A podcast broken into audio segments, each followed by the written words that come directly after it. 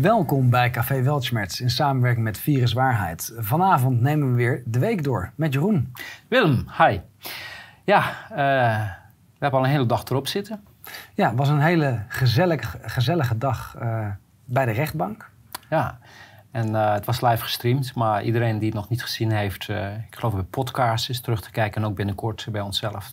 Ja, nog even voor de kijkers. Vandaag was er dus een voortzetting van de strafzaak van het OM tegen mij, Willem Engel. En jij bent daar als getuige gehoord uh, samen met een aantal anderen. Ja, ja. ja erg interessant. Het was. Uh, ja, je, vroeg je af, wat doen we hier eigenlijk, toch? Nou, dat, dat, ondanks dat het een gezellige dag was, was het wel Ah. een beetje een vraag van... ja, maar waarom, waarom zitten wij hier? Maar het grappige was, eh, Norbert Dikkeboom was er ook... en die keek op dezelfde manier van, wat doen we hier eigenlijk? Ja, ja nou, we gaan snel verder met uh, de rest van de slangenkuil. Goed. Nou, we beginnen bij politiek. Er is een hele hoop vandaag uh, weer. Nou, is echt heel veel uh, gebeurt er op het moment. Um, ja, Willem, uh, er zit relatief vaak een psychopaat op de directiestoel. Deze psycholoog legt uit uh, hoe dat kan. Ja, nou, dit hebben wij natuurlijk jaren geleden al uitgelegd. Wat mij opvalt is dat veel bladen beginnen te draaien. Het lijkt wel alsof ze een soort voorschot maken op van... ja, stel nou dat het kantelt. Um, op zich een goede observatie. Hè? Dit hele systeem is erop ingericht dat de mensen die het minste uh, uh, moreel kompas hebben... die het minste sociale uh, binding hebben of empathie, dat die worden beloond. Dus het is een ongezonde incentive, zoals dat heet. Ja, maar dat is niet alleen uh, bij de directiestoelen. Uh, politiek, bij, banken. Maar ook adviseurs, ja. de Deloitte, noem maar op. Die, maar die, geven, die doen ook daadwerkelijk psychologische Precies. testen. Precies, heb je de Myers-Briggs-test en hoe, ja. hoe, hoe, minder empathisch je precies, bent. Precies, hoe geschikter. Ja. ja. Nog geen coronamaatregelen nodig, maar kabinet niet voorbereid op zware scenario's. Ja, nou kijk, dit is natuurlijk twee dingen, of drie misschien wel. Natuurlijk, de angstpropaganda begint weer. Een tweede is, het kabinet is niet voorbereid. Maar in plaats van dat ze zeggen, ze hebben het fout gedaan, ze moeten weg. Nee, wij moeten niet dwars liggen, want er moet nog permanente maatregelen in de wet worden opgenomen. En een derde, en dat is ook opvallend, is dat ze dus niet maatregelen nemen. Nee, en dat zie je op dit moment overal trouwens. In Duitsland hetzelfde. Er wordt weer heel veel getrompetterd. Ik zie ook weer uh, de, uh, het aan, de frequentie van mondkapjes uh, in snel tempo toenemen in de supermarkten ja. en noem maar op. Um, ze durven het gewoon, ze doen het gewoon nog een keer. Alleen. Ja, maar wat mij opvalt is dat er nog geen dwang nee. bij zit. En daar komen we zo als we het over de prikjes hebben. Het lijkt erop alsof ze nog één seizoen willen doen. En dan zeggen van ja, maar alle informatie was er. Er was geen dwang, dus je hebt het nu zelf gedaan. Bewijs maar dat jouw letsel komt door die eerste paar prikken. Want die laatste, daar heb je je handtekening op Precies. gezet. En vanaf 1 oktober gaat in Duitsland die nieuwe wet in. Maar ik hoor al heel veel uh, bondslanden zeggen van wij gaan niks doen. Dus ik ben heel benieuwd uh, ja. wat we komende tijd gaan zien. En dan komen we bij viroloog Bert Niesters. Die is bezorgd over opmars corona. Draag mondkapje op drukke plekken. Ja, wat ze hier doen, en dat is een bekende vanuit de marketing. Hè, ze gaan kijken van, oké, met deze maatregelen alleen maar met de angstpropaganda. Wat is de reactie? Gaan mensen het opvolgen? En dan wordt het dadelijk weer verplicht gesteld. En dan zijn ze aan het kijken van hoe is, de, hoe is het draagvlak? Ja, je hoort ook al uh, dat uh, ja, het bedrijfsleven vraagt om uh, de QR-pas ja. en maar op. En vooral die mondkapjes, omdat het visueel heel makkelijk te tellen is met, ja, zeker met artificial intelligence. wordt gewoon puur gekeken naar hoe staat het met de gehoorzaamheid. Ja, en eh, het zijn er nog niet veel, maar toch meer dan ik ja. had durven. Nou ja, ge geestelijk is onze maatschappij nog steeds heel erg in nood. En dat zie je aan die mondkapjes. Ja. En Rutte die gaf een toespraak bij de VN. En die beweert dat Poetin laat het niet bij Oekraïne als we hem niet stoppen. Ja, dat is fijn. Dat, dat dit soort mensen nooit geremd zijn door feitelijkheden. Er is geen enkel argument of bewijs voor aan te voeren dat dat dan zo zou zijn. Dit is namelijk nogal een stelling.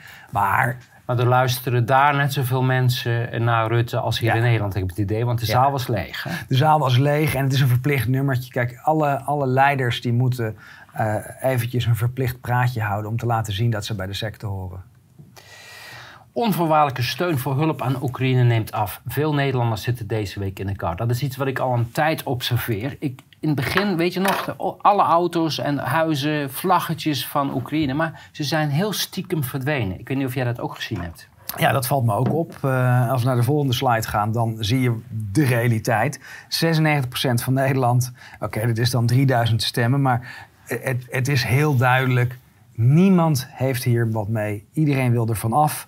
En de retoriek in het parlement vooral is zo belachelijk over dat als je niet voor het sturen van wapens, dus als je niet voor het vermoorden van mensen bent, dan ben je niet solidair. Ja, gekker wordt het eigenlijk niet. Hè? En mensen stemmen uiteindelijk altijd met een portemonnee. Ja. En ze wilden graag Oekraïne steunen zolang het gratis was. Precies. Maar ja, nu gaat het geld kosten. Um, Over geld gesproken. Er zijn weer heel veel WOP-documenten naar voren gekomen. En het is een, een gift that keeps on giving. ja. ja, dit is van een uh, tweet van uh, Daniel van der Tuin. Er gaan verschillende cijfers rond over het aantal personen dat een jaar geleden door de Nederlandse regering gedurende vijf maanden werd uitgesloten. Waar het om gaat is 2,5 miljoen mensen werden volgens officiële cijfers uitgesloten. Ja. Dat is hoopgevend. Uh, aan de ene kant hoopgevend. Dus dit zijn de mensen boven de 12 die uh, hun rug recht hebben gehouden. Ik denk dat het werkelijke cijfer van mensen uh, die er niet aan mee wilden werken wel drie of vier keer hoger is. Dus dit zijn echt uh, de laatste der Mohikanen.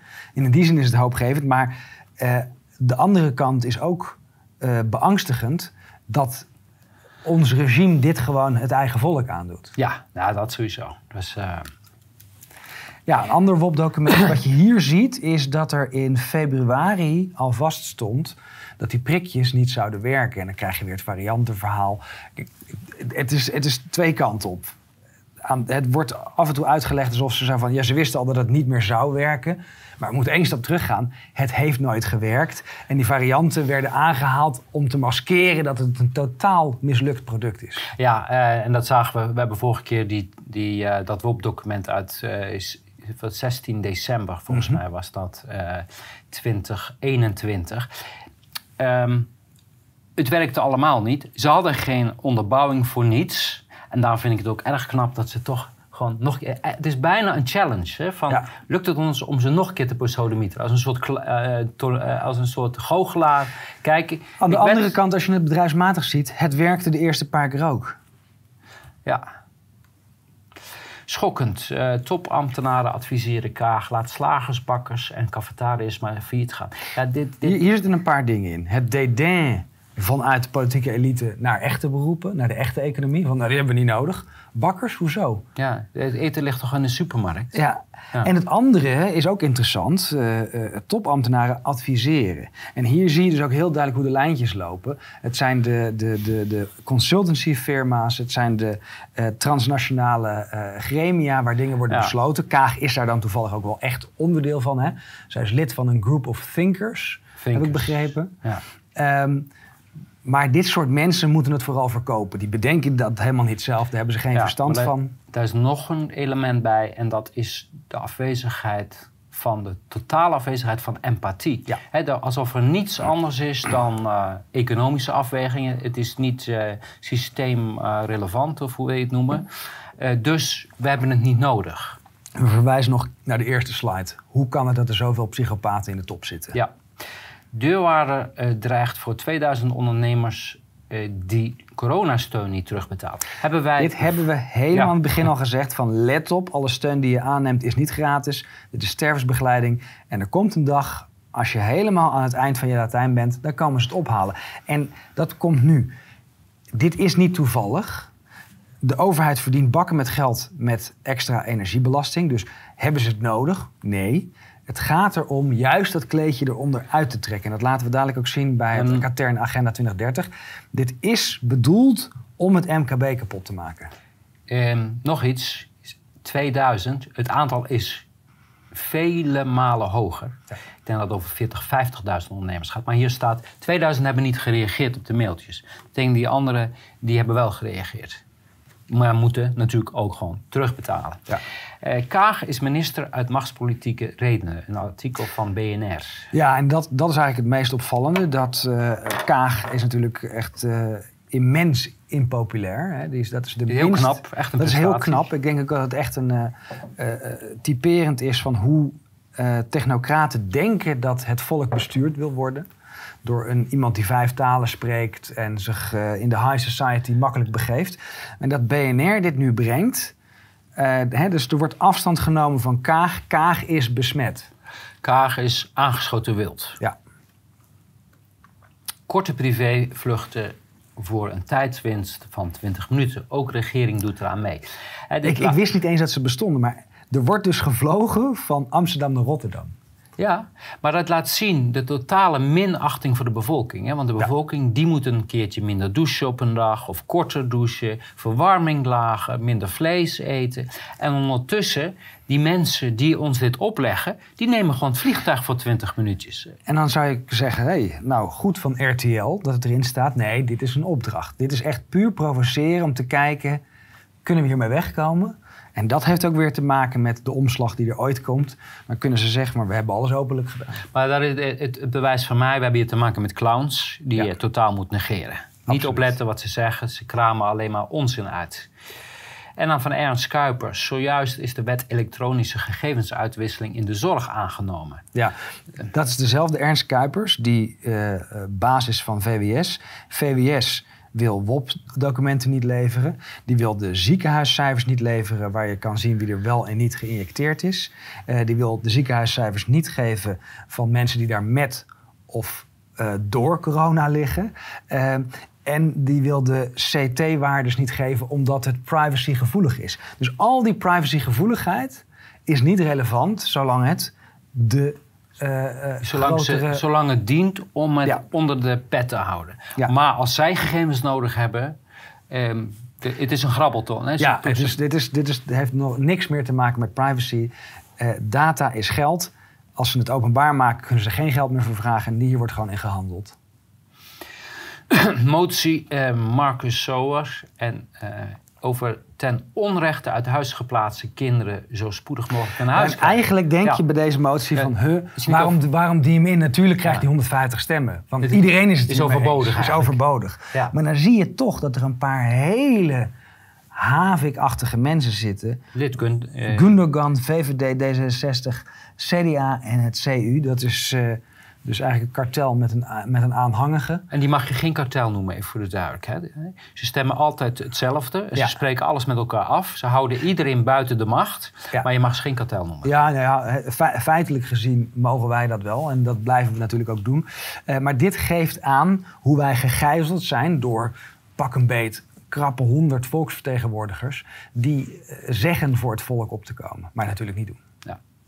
Onderzoek oud-Kamervoorzitter Ariep naar meldingen grensoverschrijdend uh, gedrag. Ja, heel opmerkelijk. Ja, uh, Ariep was ooit heel kritisch bij de Mexicaanse griep. Ja. En we hebben ons al eerder afgevraagd hoe kan het dat zij zo stil blijft? Want zij heeft deze zwendel al een keer meegemaakt. Zij noemde destijds de, eh, die vaccinaties voor de Mexicaanse griep het grootste schandaal uit de medische geschiedenis. Ja. het is, de afgelopen paar jaar is het overtroffen, dat schandaal, denk ik. Absoluut. Ja. nou kijk, ze is lid van de PvdA, was de vorige Kamervoorzitter en wordt nu pootje gehaakt door Vera Bergkamp, uh, de, de pion van, uh, van Kaag.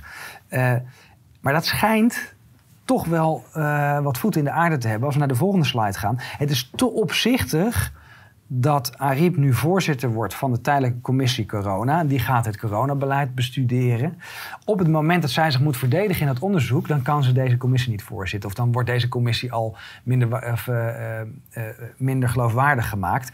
Ik denk dat dit de echte reden is. Het staat er ook. Hè? De benoeming uh, is aanleiding om alsnog tot een klacht over te gaan. Een aantal ambtenaren uh, hadden gehoopt niet meer met haar te maken te hebben. Ja. Uh, het, het, geeft mij de indruk dat zij mogelijk echt dit werk serieus wilden gaan oppakken. Precies. Dus wat het in ieder geval oplevert is dat Bergkamp ontmaskerd is. En alle oppositieleden zouden er goed aan doen om permanent om haar vertrek te, te, te, vragen. En dan komen we bij Sander Dekker, uh, de voormalig minister van uh, rechtsbescherming, rechtsbescherming, noemden ze dat. Ja? Gaat Rotterdam ziekenhuis besturen. En dit is volgens mij de tweede ja, minister. In ieder geval, want, want Grapperhaus die ging ergens in Haarlem volgens mij bij een ziekenhuis. Beverwijk. Beverwijk, inderdaad. En dan had je natuurlijk Bruins die dan bij Intravak een parkeerbaantje krijgt. Kijk, het, het is ergens is het logisch. Hè? Dit zijn amorele mensen die verslaafd zijn naar macht en geld. ze hebben de macht gehad, moeten even een parkeerstand waar gaat nu veel geld in om? In de extreme zwendel in de medische wereld. Hè.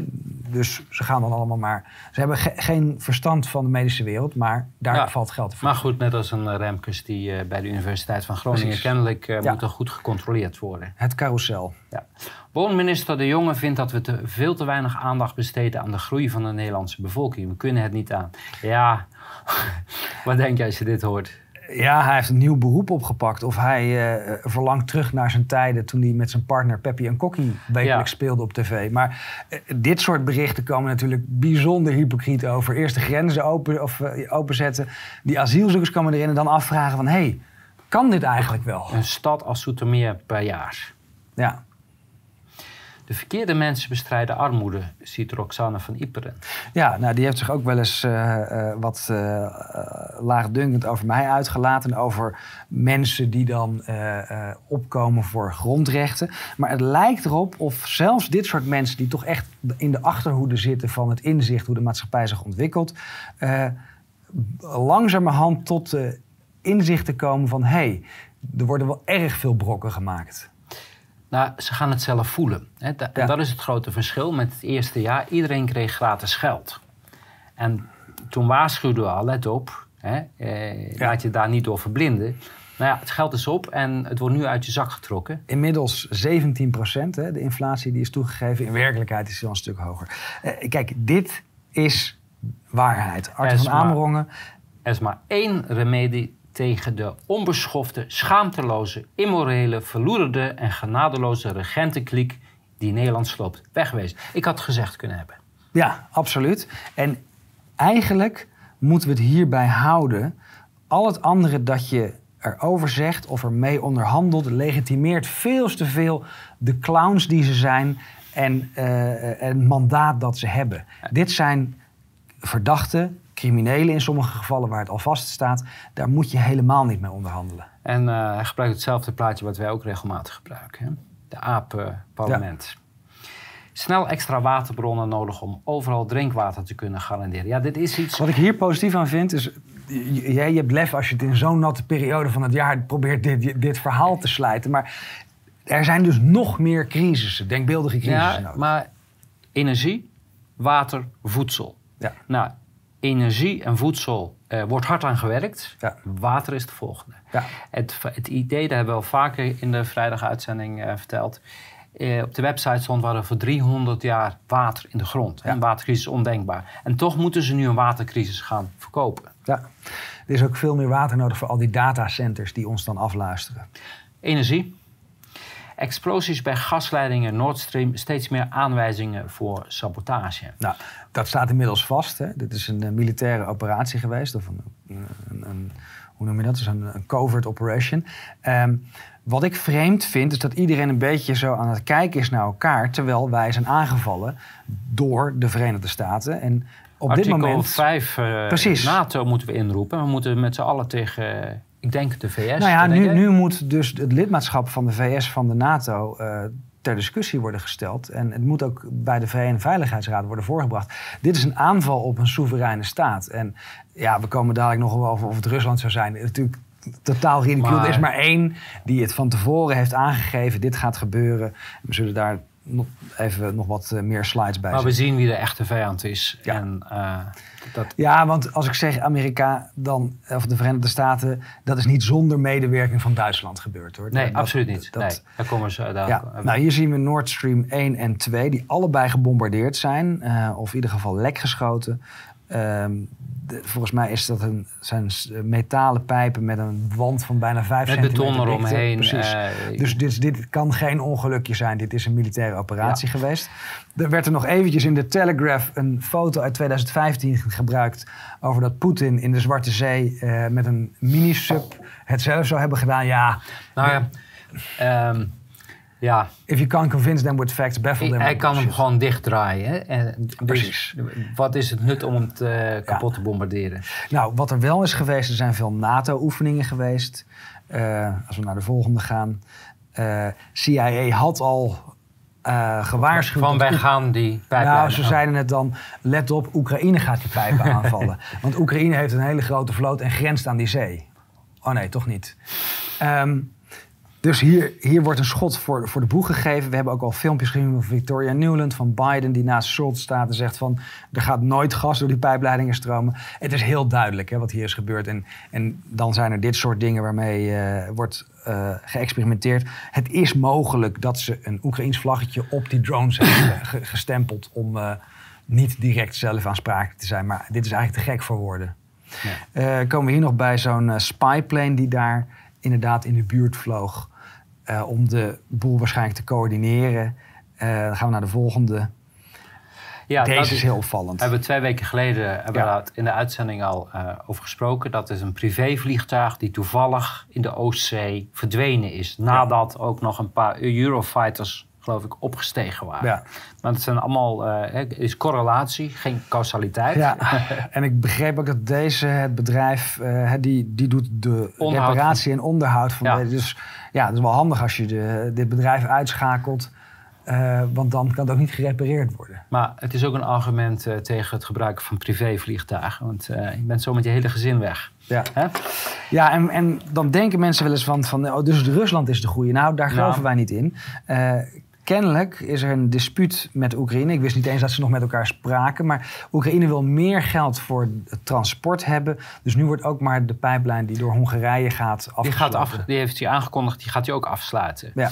Uh, ja, inderdaad, erg toevallig. Dat betekent dat we bijna, ik geloof dat er nog één pijplijn uh, is uh, daaronder. Ja.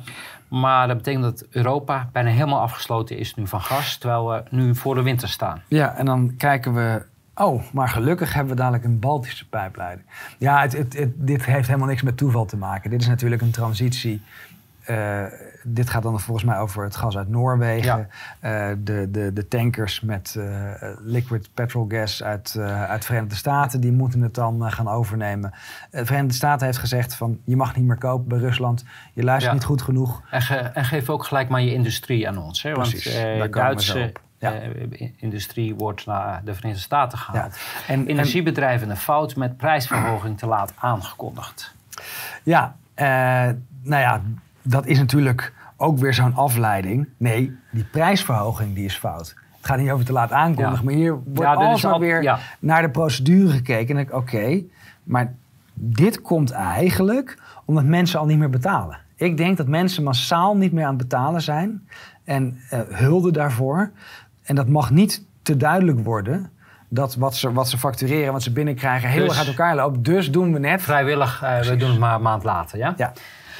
Energiebedrijven negeren minister Jetten, tariefswijziging gaat door. Ja, en het laatste bericht, ik weet niet of die hierin staat, maar is dat ze zich er toch gaan houden. Dus uh, Essent, Vattenfall en uh, Eneco volgens mij, die hebben al gezegd, nee, we, we, we stellen het toch uit, de prijsverhoging. Hoge stroomprijzen drijven de Nederlandse internetsector in armen van big tech. Ja, en wat, wat dit laat zien, too big to fail, met de banken de grote banken veroorzaken de crisis. En de kleine banken worden opgeslokt door de grote banken die eigenlijk de schuldigen zijn. En hier heb je ook weer, uh, Big Tech is, is uh, heel nauw verbonden met deze machtsgreep. Dus die zijn zeker schuldig aan, uh, aan de teloorgang van onze welvaart en onze cultuur. Uh, en ondertussen worden zij dadelijk de winnaar. Want er gaan al stemmen op om het of te nationaliseren. En dat zal waarschijnlijk een hybride nationalisatie worden, waarbij big tech en overheden samen de energiebedrijven regeren. Dat zie je overigens in heel veel landen op dit moment. Ik, hoorde, ik zag een bericht, uh, Frankrijk wil ook die, uh, dat bedrijf wat die kerncentrales runt nationaliseren.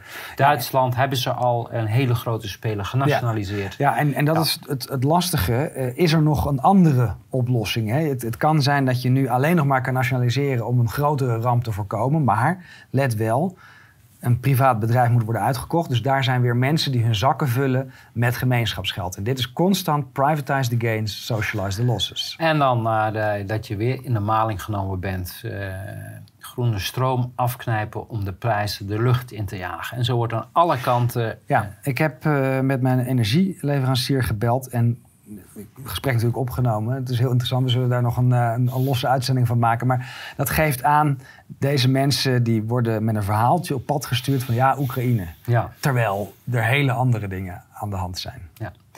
En in, uh, ze gaan ook keihard door met het sluiten van nucleaire centrales. En dit is inderdaad weer hetzelfde als die andere. Op het moment dat je dit soort energievoorziening uitzet, creëer je een crisis. Uh, dat is, dat is onuitlegbaar. Ze, maar dat doen ze in Californië ook. Hè? Daar schakelen ze ook steeds meer uh, kerncentrales af. En je zou denken, waarom ook kerncentrales? Want het probleem zat toch bij CO2? Ja. Uh, ik, ik kan het niet volgen. Nou, het hele bombarderen van die pijplijn is om een voldongen feit te, te veroorzaken, waardoor we wel verder moeten met de transitie. Hè. Dat, uh, maar dat laat ook zien dat de transitie in gevaar is gekomen. Komen we bij propaganda. Uh, Maarten Brink, ja. een bekende propagandist. Uh, Hij is ook voorzitter van politievakbond, geloof ik. Ja, hij is woordvoerder van meerdere politievakbonden. En hij heeft een een actieve groep op Facebook waar uh, meerdere agenten zich schuldig maken aan opruiming. Ja, hij kwam met een opvallend, uh, uh, opvallende tweet, want hij is erg overheidsgetrouw. Ik denk dat hij ook betaald wordt om het overheidsnarratief vooral te blijven propageren. Maar hij zegt, hij noemde die, de, het handelwijze van, de, van, van de grote energiebedrijven mm, haast crimineel handelen. Nou, ik, ik, ik het is toch dus, wel mooi hoe zo'n crisis mensen bij elkaar brengt. Hè? Hij begint dadelijk nog uh, viruswaarheid taal uit te nou, Ik heb dat ook op geantwoord. Uh, fijn dat je, beste Maarten, fijn dat je langzaam tot inzicht komt. Maar het is niet haast crimineel, het is uh, crimineel. En belangrijk, kijk, politiemensen die zitten ook in de samenleving. En die krijgen nu ook te maken met zowel de inflatie... want de politiesalaris is ook niet zo hoog, ja. dat je zegt... en de hoge gasprijs en Ik zat gisteren weer op het bureau, inzagen, ja. uh, dus bij de privacy desk, inzagen je eigen gegevens. En uh, die agenten zeiden het ook. Dit, op een of andere manier, slaat het beste aan bij de politie. Dus, nu pas snappen ze, hey, ja. wij worden ook onder de bus gegooid. Precies, dus als je volgende keer uh, op het Malieveld mensen in elkaar gaat mappen die daar staan. ik vraag me af of ze dat nog gaan doen. Ik vraag me ook af en of ze dan niet aansluiten. Want uh, ik zie het in Duitsland trouwens hetzelfde. Um, ook binnen de overheid uh, wordt rommelt het. Rommelt het ja. Uh, ja, dit is niet opgenomen een uitje van een een of andere instelling of een tehuis. Het is, dit is de Kamer, de huidige... De Kamervoorzitter, ja. En dan wil ik, wil ik één ding zeggen. Het, het kan zijn dat ze zich identificeert met de LGBTI-plus-beweging. Dus hier is op zich niks mis mee. Maar het probleem is, als een Kamervoorzitter... Dat, dit gaat over censuur en propaganda te veel kleur bekend. Dit is kleurbekende. Nou ja, ze mag dan, uh, ja, dan, dan is je rol als Kamervoorzitter wel erg moeilijk geworden. En D66 en ChristenUnie willen snelle actie bij dreigementen in Kamer. Tragisch dat het nodig is. Nou, dit is een directe aanval op de, om de FVD. Ja, en de, en de PVV en de BVNL. Ja. En uh, ja, het, het bizarre is, hier wordt gewoon openlijk gevraagd om volksvertegenwoordigers te censureren. En er zitten nog een paar andere dingen in. Uh, sneller actie bij dreigementen. Er zijn geen dreigementen nou. geweest. Hè? Dus, dus dat, dat is een beetje, ja, het volk is veel bedreigd. Dus, dus eigenlijk, en ik heb ook op, op Jan Paternotte gereageerd... van joh, realiseer je wel dat zodra we alle parlementariërs aan deze regels gaan houden... dat je permanent geschorst wordt. Uh, ja, maar je moet het anders zien. Dit, dit gaat over iets anders. Zij voelen zich bedreigd door de waarheid. Hè? Dus als jij een partij tegenover je hebt die daar ineens gaat uitleggen hoe het zit.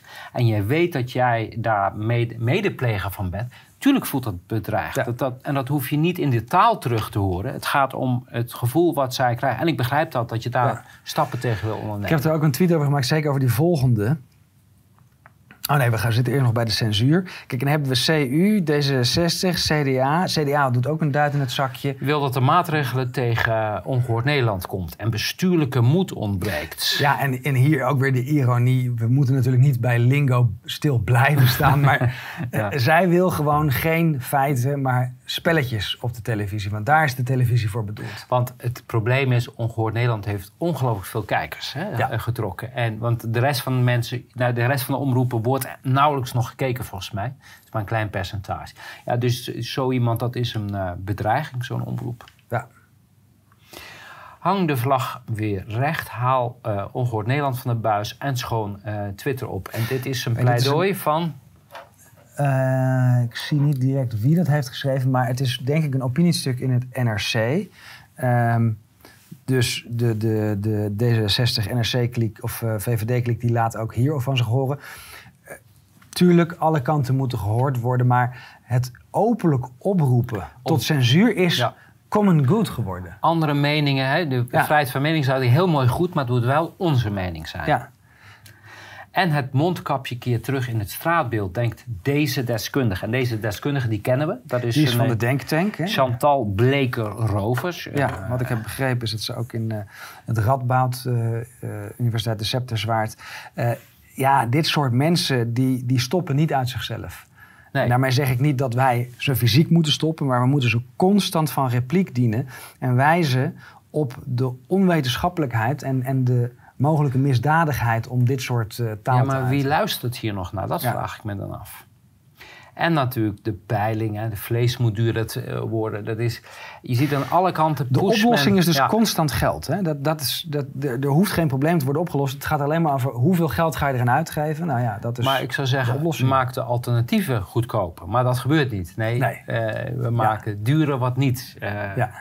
Dus je betaalt voor je eigen kooi. Ja. Ja, deze heb ik er ook bij gedaan. Wat viel mij op vorige week? Dat ik opeens op allerlei social media uh, waarschuwingen kreeg zonder bericht. Dat ik, ik kreeg hem ook namelijk. Ja. En ik dacht eerst dat dat... Ik zei van, uh, welk, welk bericht gaat het dan om? Oh, het gaat niet om een bericht. Het is alleen maar een waarschuwing. En hier zie ik weer een herprogrammering van de uh, algoritme in. ik denk dat die censuur strakker wordt aangedraaid. Ons bereik was ook flink aan het toenemen de laatste tijd. Ja. dus dat is een, een doorn in het oog.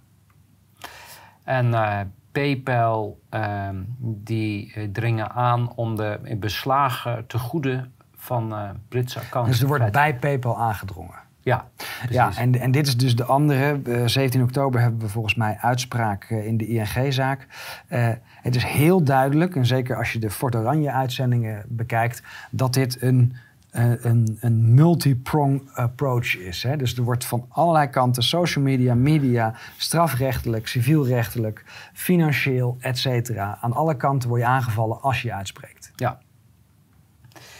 Donateurs Boos, advocaat van coronatribunaal, zou honderdduizenden euro's voor zichzelf hebben gebruikt. Ja, wat ik hier heel opvallend vond. Dit is een, een intern conflict en wij hebben de feiten uh, niet inzichtelijk.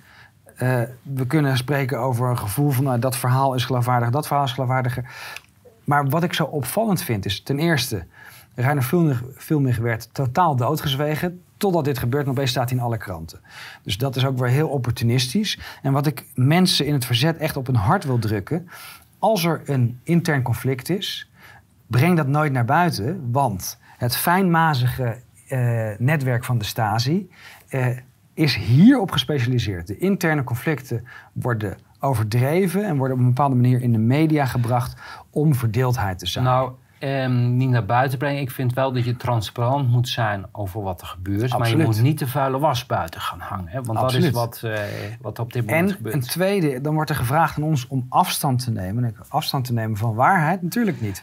Wat Reiner Filmig heeft gedaan uh, met de corona-Auschwitz uh, is fantastisch. En we blijven achter dat werk staan. We blijven achter zijn analyse staan. En hoezo moeten wij een kant hierin kiezen? Nou, dat, is, de, dat is weer die koppeling die gemaakt wordt van... er is sprake van mogelijk, uh, mogelijk verduisterd geld. Dat weten, Precies, dat, dat weten we nog nee. niet. En dus dan zou ook alles wat hij gedaan heeft... Ja. dat is weer dat, die cancelcultuur... Guilty by association ja. in de cancel Dus je kan, dat, bent dan niet meer in staat van... iemand kan iets goeds gedaan hebben en toch ook iets anders gedaan hebben. Maar, dat, ja. Uh, maar dan gaan we naar de volgende. En dan zien we de echte reden van uh, dit artikel. Het gaat erom, net als met Alex Jones, we zagen dat uh, 5, 5 augustus volgens mij, koppelen. Oh, Forum voor Democratie en Willem Engel, complottheorieën. Uh, en dan ook iets over dat ik al eerder geld heb verduisterd. Nou, ze zeggen het niet precies zo, maar het is heel duidelijk hetzelfde rijtje constant. Complot, gevaar, oplichting. En dit herhalen, herhalen, herhalen, herhalen. Dus uh, ik heb ook direct uh, uh, AD laten weten dat dit onacceptabel is. En na iets van 200 smadelijke artikelen wordt het wel tijd voor een rechtszaakje tegen DPG, denk ik. En als we het hebben over smaad en lasters. Ja, mijn kleine grote vriend uit België. we moeten er nog even op wachten. 14 februari hebben we weer hoger beroep in, in Antwerpen. die beticht iedereen uh, van het uh, donatieknop. Maar hij is zelf uh, lid van dat VACVA. Dat is een internetblaadje over, voor vaccinatiepropaganda. En daar staat ook een donatieknop op. Dus, en, en dit laat heel mooi zien, zoals de waard is vertrouwd in zijn gasten. Hij kan niet voorstellen dat mensen het niet zouden doen voor winstbejag. En D66 wil uh, Forum-Kamerlid Van Houwelingen schorsen na natievergelijkingen ministers. Ja. deze is wel prachtig. Neem deze kop even in je op. Dan gaan we naar de volgende slide. Ja, Jan Paternotte, Baudet is een racistische Hitler. Ja, dat, is, dat mag, hè, want dat is van de juiste kant. Dat is van de juiste kant. En dat was vier jaar geleden. Toen waren er hele andere wetten en morgen. Maar dat hoor je toch ook, uh, die reactie van Rutte. Uh, ja, dus moet dat niet zo serieus nemen. Ja, niet zo happen. Je, niet happen. Ja. Hè? En, maar als het uh, andersom, kijk, dan staat de hele Kamer samen met het kabinet uh, op de achterste benen. Ja. En wat ik hier wil, zit, wil zeggen, kijk, Jan Paternotte is een, hij heeft een rol als supertroll. Het is constant agiteren, provoceren. En je ziet ook aan zijn, aan, zijn, uh, aan zijn blik, dit is een acteur die is ingehuurd voor dit karweitje. Dus niet, niet laten uitlokken, niet boos worden. Hij krijgt hiervoor betaald en dat doet hij gewoon naar behoren. Ja. Mei 2022, Sjoerdsma vergelijkt Martin Bosma met een nazi. Ja. dit vind ik dan wel weer schadelijker, maar dat komt omdat jij uh, oppas of oppasser van Sjoerdsma bent geweest. En dat, uh, ja, daar had je misschien toch nog wel wat meer morele lessen in kunnen gieten. Uh, ja, ik, ik, ik, zal mijn gedachten. Met wijsheid Ik zal niet, mijn gedachten niet delen die ik daarmee nee, heb. ja. Uh, dan Antifa in Berlijn, die, uh, die voert actie omdat Jordan Peterson daar komt spreken. Jordan Peterson die heeft een hele tour gemaakt, uh, of die is nog steeds bezig in Europa. Ik heb hem ook nog even gesproken. Um, hij zet zich al heel lang in tegen de woke-bewegingen. En dat is heel pijnlijk, dus daarom moet hij gecanceld worden. wat hij vertelde is dat hij ehm, een foto met een schooldirectrice in Londen maakte. En uh, die directrice die post dat op haar social media. En die werd uh, direct door haar uh, sociale omgeving uitgekotst en gecanceld. Dus de onverdraagzaamheid bij de mensen die zeggen dat ze voor een pluriforme samenleving zijn, is, is niet bestaand. En dat, dit maakt het zo inzichtelijk. De mensen die zeggen antifa te zijn, uh, vertonen absoluut onmiskenbaar fascistisch, fascistisch gedrag. En uh, ondertussen zijn aanhang groeit volgens mij alleen maar. Ja, absoluut. Ja. Komen we bij de internationale. Ja, uh, schokkend bericht. Het kantoor van Alternatieven voor Duitsland, ja. AFD, dat is eigenlijk de... Beetje de FVD-PVV van, van Duitsland. Van Duitsland. Ja. Die hebben een inval gehad van het Berlijnse Openbare Ministerie. En het ging over donaties eh, die ze vorig jaar, eh, meen ik. Eh, ja, maar het belangrijkste is, het Openbaar Ministerie heeft dus niet eerder een vraag gesteld. Hè? Nee. Ze zijn gewoon binnengevallen zonder dat ze AFD in de gelegenheid hebben gesteld om daar iets over te verklaren. Er wordt waarschijnlijk niks gevonden, maar dit gaat over het chilling effect. Daar hebben we het vandaag ook over gehad in de rechtbank. Op het moment dat dit in de krant komt, waar rook is, vuur. Uh, je wordt bezig gehouden. Er wordt uh, de zweem van uh, geld aftroggelen en, en, misbruik. en de AFD echt is de enige partij met politici die ook daadwerkelijk kunnen spreken. Weet je, die ook echt... Wolfgang uh, Rodag heeft natuurlijk voor de AFD in het Europarlement gezeten, bijvoorbeeld. Dat was niet voor de AFD, hoor. Nee, was het niet voor de AFD? En volgens mij was hij bij de SPD toen ah, nog. Ja, maar dat was lang geleden. Oké. ja. Maar het belangrijke hieraan is, we zien de oproep van uh, censuur uh, van politieke partijen in de Kamer in Nederland. Duitsland loopt in dit soort fascistische gedraging altijd een stapje voor. Het invallen van, van democratische partijen. Dit is onmiskenbaar uh, de alarmbellen van een puur Ja, maar dat komt omdat hun aanhang groeit heel erg. Hè? Die, uh, en, en, nogmaals, een aantal fantastische sprekers. Ik heb mm -hmm. een paar van die uh, speeches gezien. Nou, ze maken de... Christine Anderson is bijvoorbeeld... Ook, een, is ook, ook van de AFD. Ja. En zo zijn er nog een aantal vrouwen en, die echt super kunnen spreken. En uh, ja, dat wordt een bedreiging voor ze. Uh, dit was een demonstratie in Praag tegen de EU en de NATO. Heel groot. um, en dit is waar men bang voor is. In, ja. Mijn voorspelling is: Polen en Hongarije willen er al uitstappen met de Visegrad-groep. Dit is nodig. Tsjechië moet uh, de, de, liberale uh, globalistische regering, zodra die valt, stappen zij eruit. En Slowakije. Uh, ja, en dan nemen ze Slowakije mee natuurlijk. Ja. En misschien Polen, maar dat... ja, Polen, Hongarije, Slowakije. Ja. ja, dit is, ik weet niet, dit is de speld volgens mij. Ik wil, dit, we hebben hier echt een winnaar.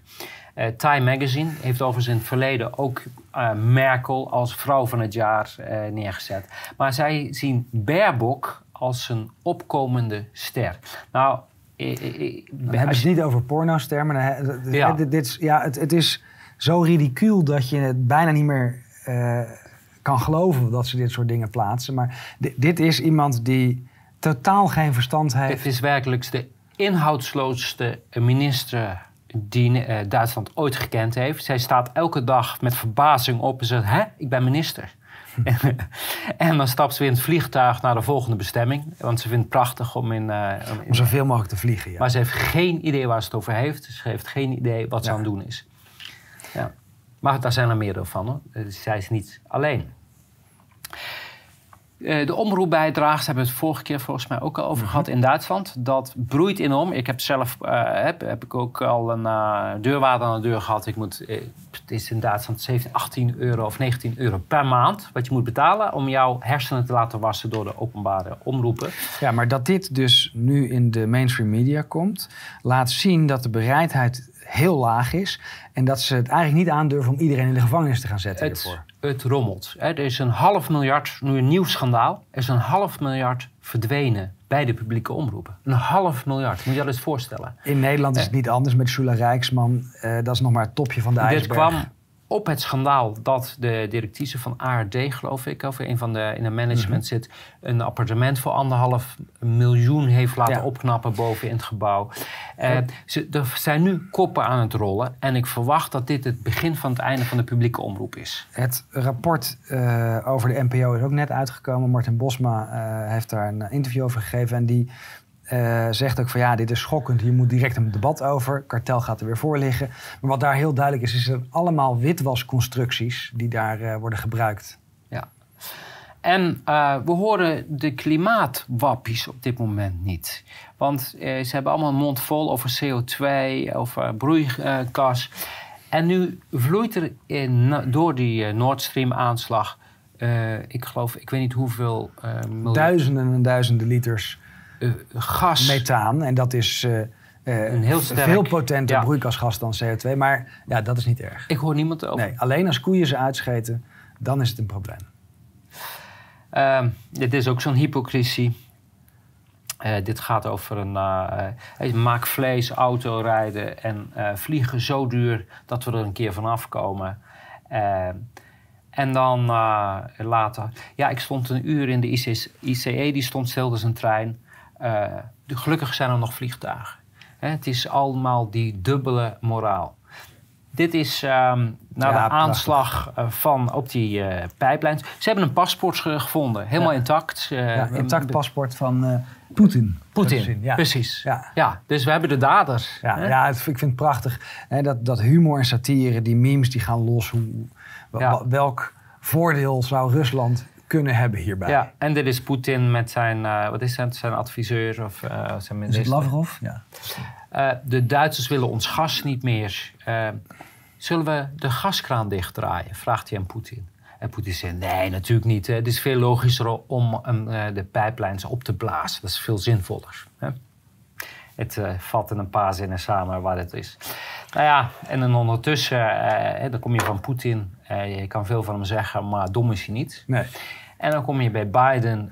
de, dat zou nou Biden was vroeger ook niet dom, want hij heeft toch heel behendig miljarden afgetroggeld bij allerlei corrupte praktijken. Dus, maar nu is die totaal verdwaald. En wat hier het opvallende aan is, dit is de Telegraaf volgens mij, dat het niet meer uit de mainstream te halen is, omdat er geen enkel optreden meer is waar die geen gaffs maakt of waar die verdwaald raakt. Het is, de leider van het machtigste land, hè, dus, uh, ja. die uh, is dement. Uh, volledig. Als je het in een film zou zien, zou Hij had het over dat hij al 270 jaar in de Senaat zat of zo. Ja.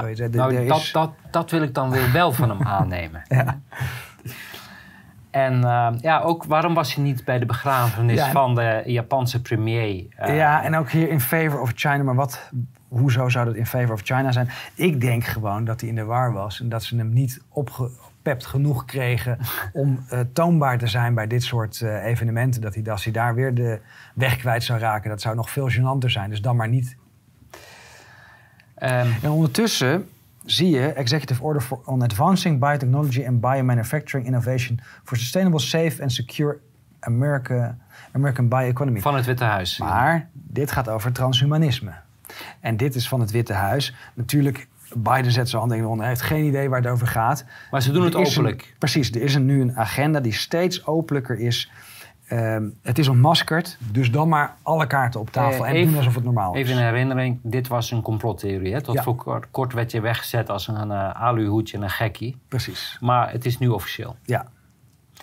En uh, Noord-Korea, die, die, blijkt dat hij ook af en toe iets heel waars en treffends zegt. Het grootste gevaar voor de wereldvrede is USA en de allies. Van bondgenoten. Ja. ja, en je kan je afvragen, eh, het grootste gevaar voor wie? Voor die bondgenoten dan, denk ik. Want ja. kijk wat er nu gebeurt. De, de gasleiding wordt gebombardeerd. Dat is een aanval op een soevereine staat.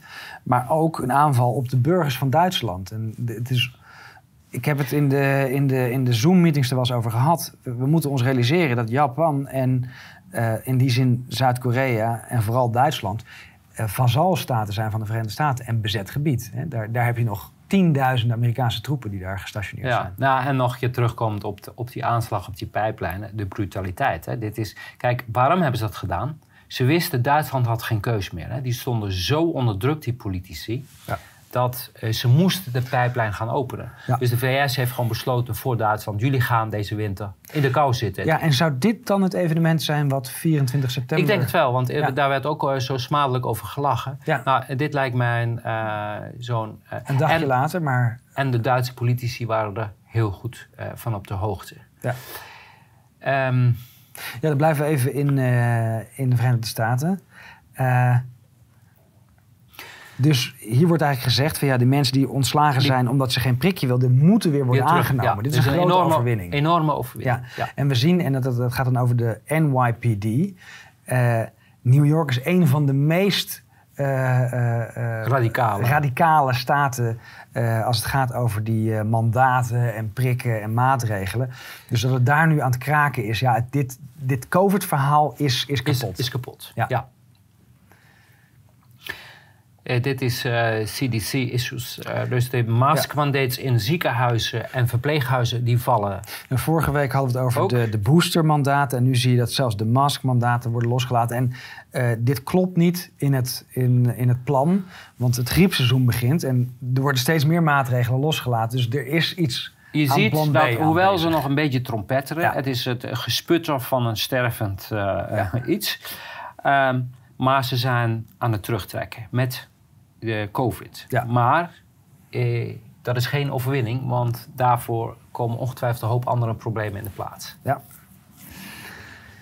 Uh, in, de, in Australië is een zaak bij de Supreme Court uh, verloren. Ja. Oh, dus de, daar is de. Iemand is daar ontslagen om het vaccinmandaat. Dus waar het in New York de goede kant op is gevallen, is het hier de verkeerde kant op gevallen. En dat, dat geeft aan, dit gevecht is nog niet over. We zullen nog heel veel rechtszaken moeten voeren.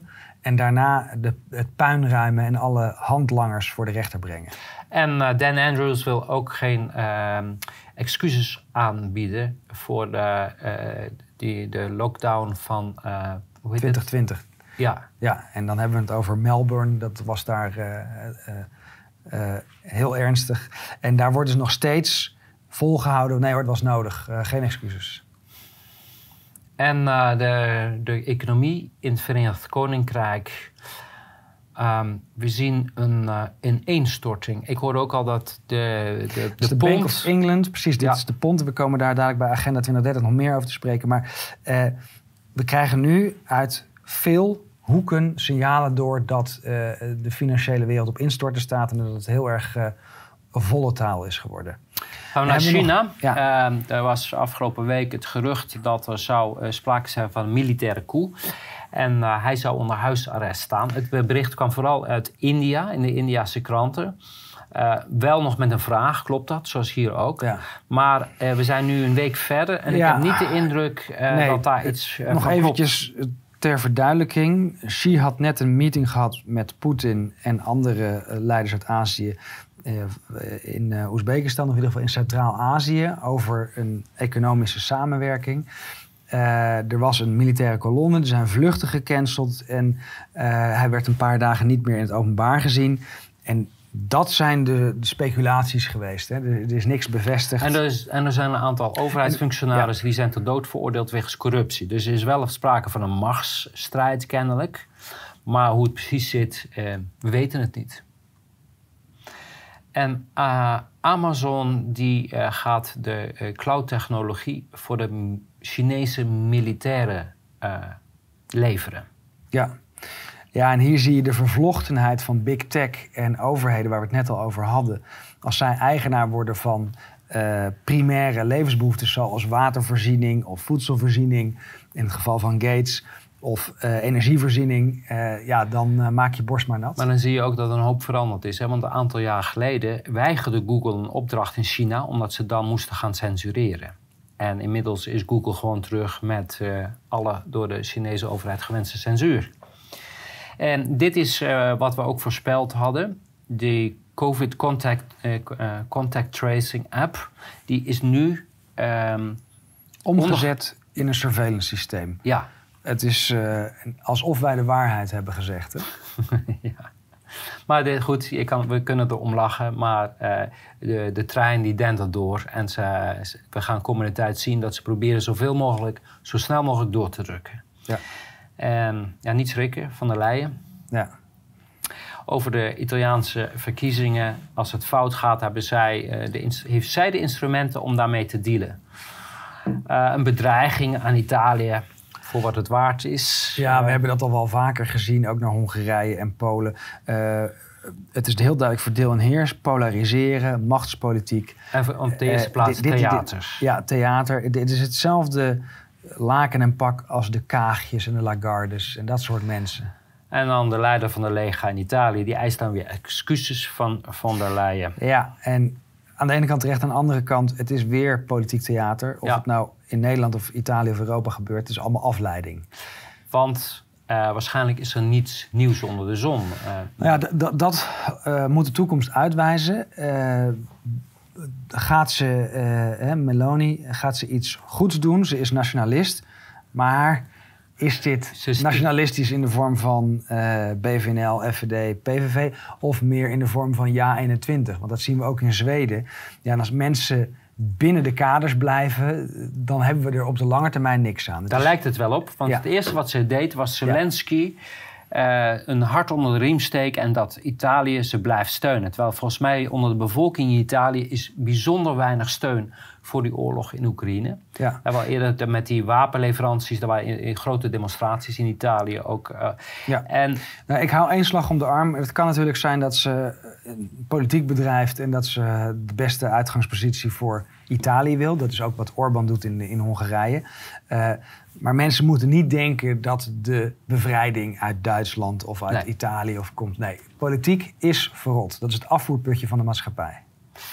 West-Europa vervalt in uh, totalitarisme. Ja, en dat is sowieso waar. Hè? Want de, de mensen in het regime waarschuwen voor een extreemrechtse tendens. En de mensen die, die in de waarheid staan, die uh, zien de extreemrechtse of de totalitaire tendens. Het is die uh, omgekeerde wereld, hè? Ja. Euforie in Polen, hè? na de ja. overwinning van Meloni en Salvini. Ja, en dan zie naïef. Dat, precies, het is naïef om te denken dat dit direct een Dat er een waterscheiding komt nu. Of, ja. En um, Mateusz Morawiecki uh, scherpe reactie op de woorden van het hoofd van de Europese Commissie. Daar gaat het nou weer over Van der Leyen. Ja, en dat gaat natuurlijk over niet per se of die Italiaanse premier een goede is, maar over dat Van der Leyen een slechte is. Ja, maar goed, daar kunnen we het allemaal uh, over eens zijn. En uh, dit is een... Uh... In Italië. En dit, dit zien we dus in New York, in Italië. Als we naar de volgende gaan, dan is het Spanje. Overal worden die uh, mandates... Vallen ze weg. En we... masken. En dat, dat is een vreemde ontwikkeling. Terwijl wij in de herfst zitten nu. Ja. En je zou juist het omgekeerde verwachten. Ja. En je hoort hier in Nederland natuurlijk dat getrompetter. In Duitsland hoor je datzelfde getrompetter. Maar... Het, het zou nog kunnen zijn dat ze nu alle maatregelen weghalen En dan zeggen, oh zie je wel, de griepgolf die we elk jaar hebben... wordt nu veroorzaakt omdat we de maatregelen los hebben gelaten. Ja. nog zo'n collage dat overal de pandemie ook ten einde, tot een einde verklaard wordt. Macron, Joe Biden, Zweden, Johnson... Spanje heeft het al lang geleden gezegd. Ja, ze roepen nu allemaal victorie. Is dat ook zo? Er wordt nog steeds doorgeprikt. Officieel is de, uh, wat was het? Uh, Public Health Emergency with International Concern is nog niet teruggetrokken. Hè? Dus de, de, officieel is de, de pandemie, de politieke pandemie, nog niet ten einde. Wat we ook zien in het, het negeren van rechterlijke ja, het, wordt, het begint oordelen. normaal te worden. En dit is, zodra dat vaker dan één keer gebeurt, leef je in een totalitaire staat. En dat, dat is niet uh, grootspraak. Op het moment dat de executive, dus de uitvoerende macht, de andere machten negeert. Dat is de definitie van een totalitaire precies. staat. en dit is in Spanje, maar in Nederland zagen we dat eerder met de WOP-stukken, ja. uh, noem maar op. Dus dat zien we. Ja, als we het dan over totalitaire staat hebben. Dit is een... Uh, dit gaat over een uiting die Olaf Scholz, de, de bondskanselier van Duitsland, deed. Wat zegt hij? Hij zegt van ja, uh, over zijn begrip van democratie. Um, wat het uh, volk zegt, moet je sowieso niet ernstig nemen. En als er Europese oplossingen komen, zelfs als we met Duitsland in oorlog moeten met Rusland, dan doen we dat. Maar met andere woorden, wat het volk vindt, interesseert mij helemaal niet. Wij, uh... En dit soort uitspraken zien we vaker. Hè? Von der Leyen heeft het gedaan, ja. Habeck, Beerbok. Deze mensen zitten er niet voor ons. Dat is heel duidelijk. Ze, ze zeggen zijn voor. Ze, ze, zijn voor zichzelf begonnen. Hè? Ja. En iets anders om zorgen over te maken, denk ik, ik weet niet, ik vind het in ieder geval opmerkelijk, is al een hele tijd geleden, dat hebben we ook al behandeld in de vrijdaguitzending, dat ze een generaal benoemd hebben die moest dat hele COVID-programma gaan leiden. En dan denk je, waarom een generaal en waarom niet een arts of waarom niet een een of andere, eh, andere medicus? Um, nu hebben ze uh, voor, uh, voor uh, Duitsland hebben ze een commandant voor interne acties. Ja. Voor interne operaties. Dit laat heel duidelijk zien dat het vijandbeeld in militaire zin is veranderd. Het eigen volk is, de, vijand. En daar wordt ook op voorbereid. Ja. En dan komen we bij het volgende. En wat dat zie je ook in, in, wat we vorige week hebben eh, besproken. Die verandering in de wet. Dat de ambtsinstructie sinds juli dit jaar is veranderd. Ja. Dat bij een oproerige beweging de politie sowieso zijn pistool mag trekken. Nou, en, dan komen we hierop uit. Nou, dit zijn uitzonderingen die gemaakt zijn en toevallig uh, in uh, 2020, eind 2020. En dat betekent dat die uh, beperkingen die de wapenwet oplegt, die gelden niet voor allerlei instanties. En waar kijken we dan naar? Naar het ministerie van Financiën, het eh, ministerie van Binnenlandse Zaken. En even voor de duidelijkheid, dus de ambtenaren die hier werken, die, die, die mogen... gewapend rondlopen. Ja? ministerie uh, van Voedsel en van uh, Landbouw. Uh, maar ook voor justitie, ehm, voor de, hoe heet het, de informatiediensten, voor economie en energie. Ehm, nou, nog een hele rij um, toezichtshoudende instanties mogen allemaal gewapend rondlopen. Nou, waarom denk je dat het is? Nou ja, ze verwachten dus een opstand. Ja. Want anders is er geen reden voor. Maar dat je dit soort uitzonderingen al maakt, um, laat een paar dingen zien. Ze durven niet meer helemaal te vertrouwen op de politie en, uh, en, en ze bewapenen zichzelf. en ze bewapenen zichzelf. Ja. ja, deze vond ik grappig, omdat dit... Uh, wat hier staat, doe mee. Hè? Een hele grote leus. En ja. haarfeunen, die, uh, die moet je in, gewoon buiten in de lucht uh, laten drogen. En dit is in een stationshal? Of ja, in een station. Ja. Dit is in een station. En uh, voor mij dus haarfeunen, want die vreten stroom. Maar waar, dit doet mij denken aan de socialistische tijd. Ja, dit is dus, gewoon communisme. Dit, ja. Hier is niks dit, dit kan je precies zo zien in Noord-Korea, van die leuzes. We moeten het samen doen. Doe mee. Eh, nou, het coronaseizoen is begonnen, dus dan zie je alweer uh, in de supermarkt... De totaal idioot rondlopen. En een ander bericht uit de Berliner Zeitung. En zij rekenen erop dat 70% van de Berlijnse huishoudens van hun stroom uh, afgeschakeld kunnen worden van de winter. En dat doen ze door warmteplekken te organiseren. Dat zijn plekken in de stad waar je je kan gaan opwarmen. Dat zijn bijvoorbeeld uh, gymzalen, noem maar op. Dus als het heel koud is, dan kunnen, kan de buurt kan daarheen om warm te, even warm te worden. Ja, het zijn dit, en we hebben het hier over een land wat tot voor kort een van de grootste industrienaties van de wereld was. De tweede producent ter wereld. Ja. ja, en die kunnen zich nu niet meer van de winter van warmte voorzien. Laat dat, laat dat eens even ja. dus in Duitsland is het het duidelijkst hè, dat er een totaal krieg tegen de eigen bevolking, bevolking en als, wordt Ja, en als we het over een oorlog tegen de bevolking, daar hebben we al vaker gezet, de dieren, de huisdieren zijn de volgende. Wat is nu aan de hand? Je moet nog snel naar de dierenarts, want vanaf oktober gaan de prijzen voor de dierenartsen met 163% omhoog. Aanval is geopend.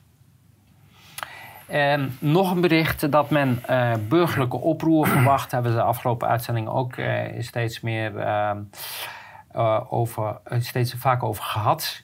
Ehm, Duitsland is in oproer, of op de eerste keer sinds de Weimar Republiek, dat het niet de traditionele milieus zijn die gaan demonstreren, maar het burgerlijke milieu. Ook het, beeld, het artikel staat in de Welt. Uh, dit zijn hele duidelijke tekens. Er komt een burgerlijke ongehoorzaamheid en waarschijnlijk ook een revolutie aan. Uh, er komt in ieder geval burgerlijke opstand. Ja. Die verwachten ze en daar zijn ze ook op voorbereid. Hebben ook al gezegd, ze hebben enorme hoeveelheden uh, rubberkogels ingeslagen, noem maar op. En als het openlijk constant in de media staat, dan, ja, dan heeft dat iets te betekenen waarschijnlijk.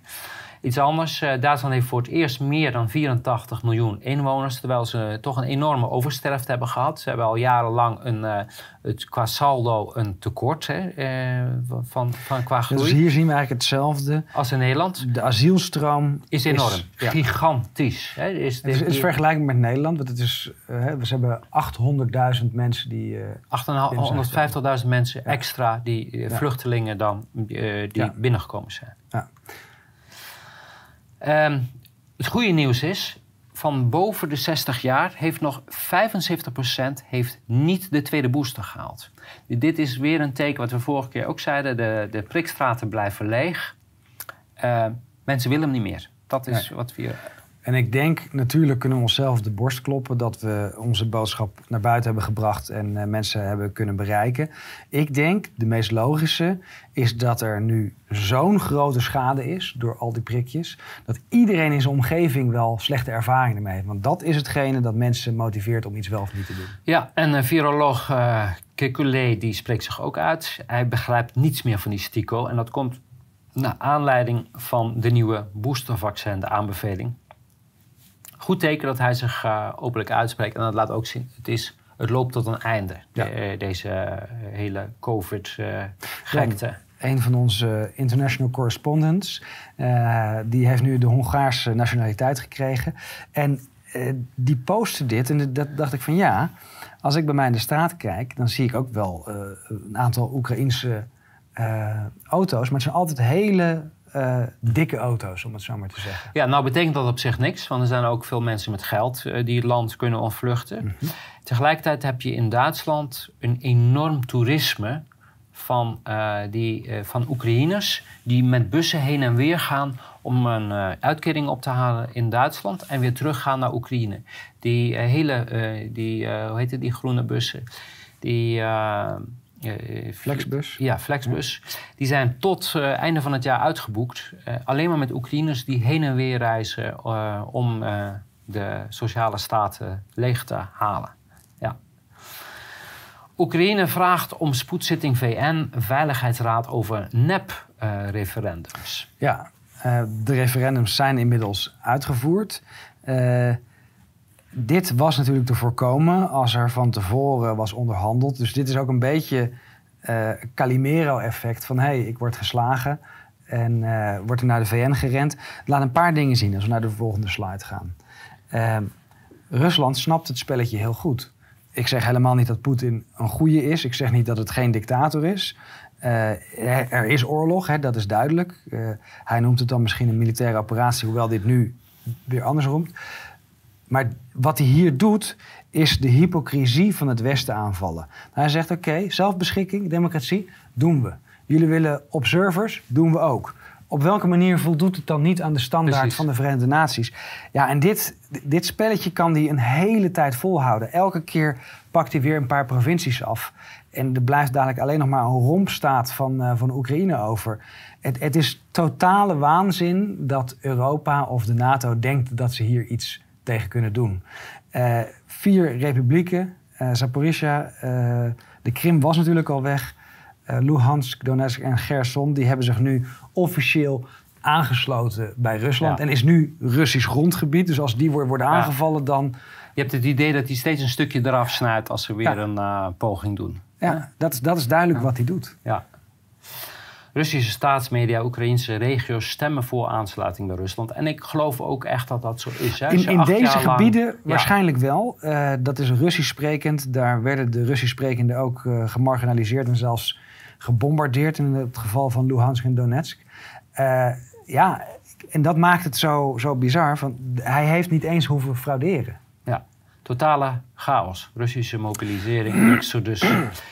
Versneld. En het zal best zo zijn hè, dat, er, dat er Russen zijn die, van, die zeggen: Ik wil niet naar het front, ik, ga, ik wijk uit naar het buitenland. Maar dat dit soort dingen dan breed in het nieuws wordt uitgemeten, net als met het bericht over Xi Jinping. Dan denk ik: Ja, maar is het waar? Of is het weer heel erg opgeblazen en is het een storm in een glas water? Het is lastig om in deze propagandaoorlog, want dat is het. Rusland pleegt propaganda, maar het Westen is ja. kampioen propaganda. Ja.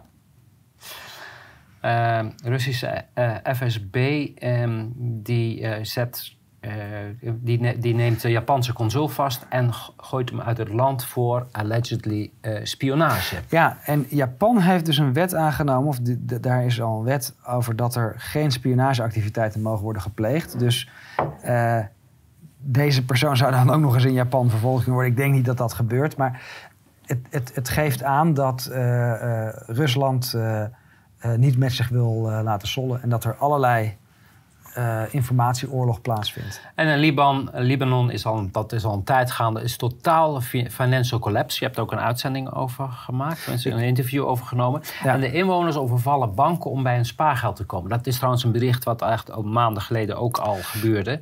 Um, nou ja, hier zie je een beetje wat er gebeurt als je een hyperinflatie hebt, als de banken uh, beroven en als ze geen accountability meer hebben. Uh, het ging al heel slecht. Je hebt toen ook die, uh, volgens mij, die fabriek met fertilizer, die ja, is daar opgeblazen. Toevallig. Uh, mensen kunnen niet meer bij hun geld. Maar nu krijg je dus ethische bankovervallers. Die de bank overvallen, maar alleen hun eigen geld, geld meenemen. Ja, ja, hebben ze de bank overvallen nee. dan? je hebt je geld opgehaald. Precies, dus, dus dit, ja, zo'n zo wilde westen, zo'n anarchie... Dat is waar we uitkomen als we Agenda 2030 blijven steunen. Ja, nou, daar komen we nu bij, hè, bij 2030 ja, dit vond ik wel een. Dit, dit, laat de absurditeit zien waar we naartoe gaan. He, de termieten doen een flinke duit in het zakje van klimaatverandering. En, dan neemt de, een, in, en dat neemt in een warme wereld alleen maar toe, wijst nieuw onderzoek uit. Dus het, ik zie nu dat we insecten moeten gaan vernietigen om het klimaat. Nee, ja, maar als we ze nou opeten, dan zijn we van het probleem af. Oh, ja. We moeten ze weer eerst kweken en dan maken we weer meer broeikas. Kijk, hier moet je ook weer uitzoomen. Totale gekte, allemaal onzin van tafel. ja. En uh, de uh, Kissinger-voortzetting, uh, de ongeautoriseerde geschiedenis van het WEF, de WEF Young Global Leaders Program. Ja, en wat je hier ziet, en dat is ook die Harvard School, hè, de, de, de, de Kennedy eh, Institute of, of, Policy of Politics bij Harvard. Dat is het. Uh, Klaus Schwab heeft het niet zelf bedacht. Precies. Dit is een kopie van hetgeen Kissinger al ja. uh, jaren en jaren geleden deed. Ja. Overigens, daar ging een, die speech van Baudet ook over. Die haalde deze colleges ook aan. Uh, het CO2-budget, budget voor vlees eten, autorijden, vliegreis en energie dat hebben we al 2,5 jaar gezegd. Het wordt nu realiteit. Er wordt er openbaar over gesproken. En dat is een enorme stap. Ja. Mensen... Het, het is ontmaskerd. Agenda 2030 is ontmaskerd. En nu doen ze net alsof het een voldongen feit is. In het geval van het gas forceren ze dat met bombardementen. Uh, dit is waar we ons tegen zullen uh, moeten verzetten. Ja, en wat mensen ook niet goed beseffen. Als je op een gegeven moment. Want ze hebben nu over die prijsplafonds. Uh, prijsplafond zeiden we de laatste keer al, is uh, ransonering. Maar die rantsoenen kunnen ze steeds bijstellen. Ja, deze winter hebben we zo weinig gas, we gaan je rantsoen halveren. dus op, op zo'n manier word jij een uh, speelbal uh, van deze psychopaat. Op geen enkele manier aan meewerken. Dat is het enige, niet een beetje afwijzen. Nou, wat dit laat zien is de, uh, de wanhoop van het Amerikaanse imperium. En ik had het daar gisteren met een paar mensen in de Zoom over, um, die daar een analyse van hebben gemaakt. Die, die schatten toch in die aanval op die pijpleiding. Dat is een beetje zoals de CIA-Contra-schandaal. dat er uh, inlichtingen en geheime diensten zijn die inmiddels al de scepter zwaaien. Want met een totaal seniele man kan je alles erdoor krijgen. Uh, er wordt openlijk industrieën en bedrijven worden uitgenodigd om zich te vestigen in de Verenigde Staten. Maar dan komt hij, ten koste van Europa. Europa wordt leeggeroofd. Duitsland, Duitse bedrijven die worden gelokt naar de Verenigde Staten. Hoe het er eigenlijk, precies, hoe het er eigenlijk uitziet. De Verenigde Staten als big bully, die kijkt waar het verder kan roven.